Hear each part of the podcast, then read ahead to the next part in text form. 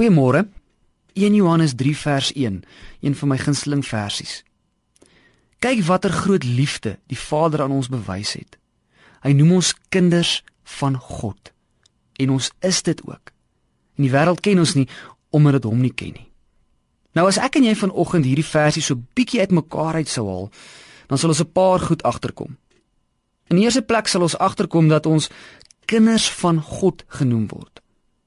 Nou Johannes kon gesê het volgelinge van God of of of dienaars van God. Nee, nee hy gebruik pertinent die woord kinders van God. Daar's 'n baie spesifieke band tussen 'n kind en 'n ouer.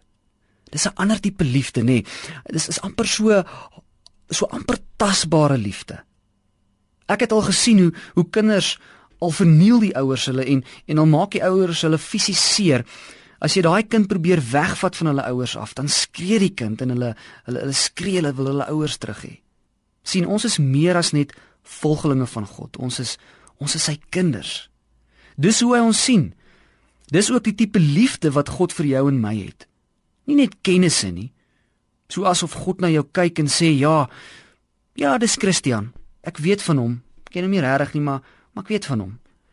Nee, daar is daar's 'n tipe liefde, amper 'n 'n sigbare band. Dis hoe lief God jou het. Baie van ons gaan deur die lewe en en voel asof God nie vir jou lief is nie. Jy voel soos 'n kennis vir God. En dan as jy bid dan dan klink dit amper iets soos die volgende. God, dit is dis Christian. Ek ek ek weet nie of jy my regtig ken en en weet wie ek is nie, maar en dan gaan die gebed aan. Nee, nee, nee. Jy is kosbaar vir God. Jy is sy kind en hy ken jou persoonlik soos wat 'n ma haar kind ken. Nou as ons verder kyk na hierdie versie dan dan noem Johannes God iets spesifieks. Hy noem hom God, hy noem hom Vader. Weerens doen Johannes dit met opset. Hy hy sê God is ons Vader. Nou hy kon die liefde en verhouding tussen ons en God miskien op 'n heel ander manier beskryf het, maar hy kies pertinent die woord Vader. Nou dis hoe ons God moet beleef en ervaar. Nou sommige van ons sien God as as hierdie polisieman wat jou wat jou net wil 'n kaartjie skryf. So so so so as jy verkeerd is, wil hy net skryf. Hy hy sit so amper agter 'n bos en wegkruip en en en stil en saggies en wag hy dat jy net iets verkeerd doen sodat hy vir jou 'n kaartjie kan skryf of of jou kan uittrap.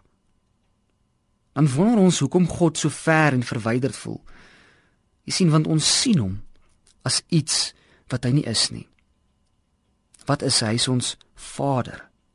Dit beskryf iets van die intimiteit wat daar is tussen ons en God.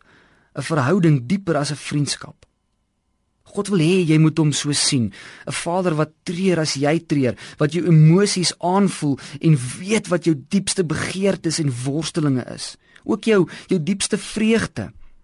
'n Vader by wie jy kan gaan lag en kan gaan huil, by wie jy net jouself kan wees, by wie jy amper net jy kan wees. Kyk watter groot liefde die Vader aan ons bewys het hy. Hy noem ons kinders van God en ons is dit ook.